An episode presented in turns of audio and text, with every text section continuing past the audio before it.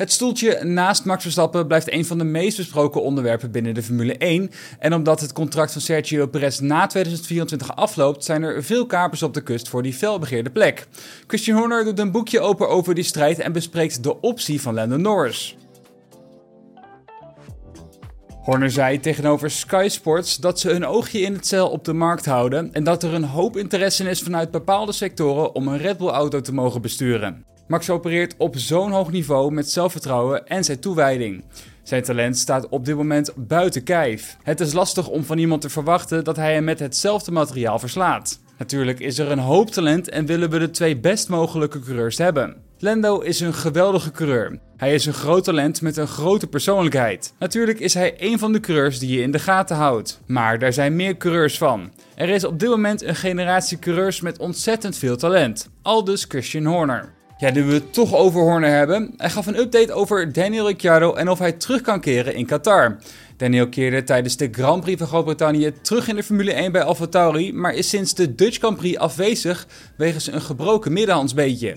In eerste instantie mikte Ricciardo op een comeback in Singapore, maar dat bleek veel te ambitieus. Inmiddels is er weer een weekend rust in de Formule 1, maar toch lijkt Qatar nog wat te vroeg als we Horner moeten geloven. Ik zou zeggen dat de kans groter van niet is dan van wel op dit moment. Zijn herstel gaat goed, maar hij heeft zijn stoeltje voor volgend jaar veiliggesteld. Is het dan nodig om een overhaaste terugkeer in Qatar te maken? Het is misschien veel handiger om zichzelf voor te bereiden op Austin, wat ook nog eens een heel hobbelig circuit is. Ik weet dat hij zijn vizier op Qatar heeft gezet.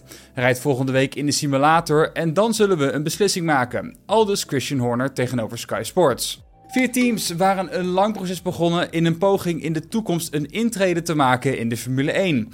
Drie van deze zouden echter zijn afgewezen door de FIA. Rodin Carlin bevestigt nu daar één van te zijn. Het vierde team, Andretti Cadillac, zou wel door het proces zijn gekomen en zijn dus een stapje dichter bij de Formule 1. Max Verstappen wist recent het bijzondere record van meeste opeenvolgende overwinningen in de Formule 1 af te pakken van Sebastian Vettel, iets waar de Duitser al regelmatig sportief op reageerde. Vettel had tijdens die reeks contact met Verstappen, zo maakte hij bekend.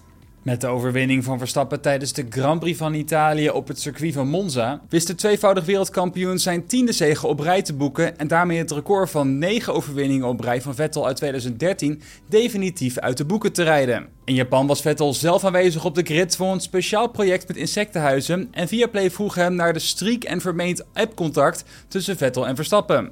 Ik zei hem: ga alsjeblieft door. Laat het niet los en raak het niet kwijt.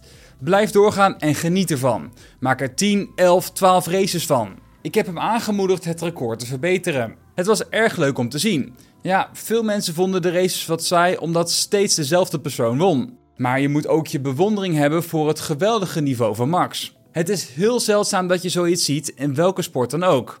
We zien het nu met Max, dus jullie kunnen trots zijn op je landgenoot.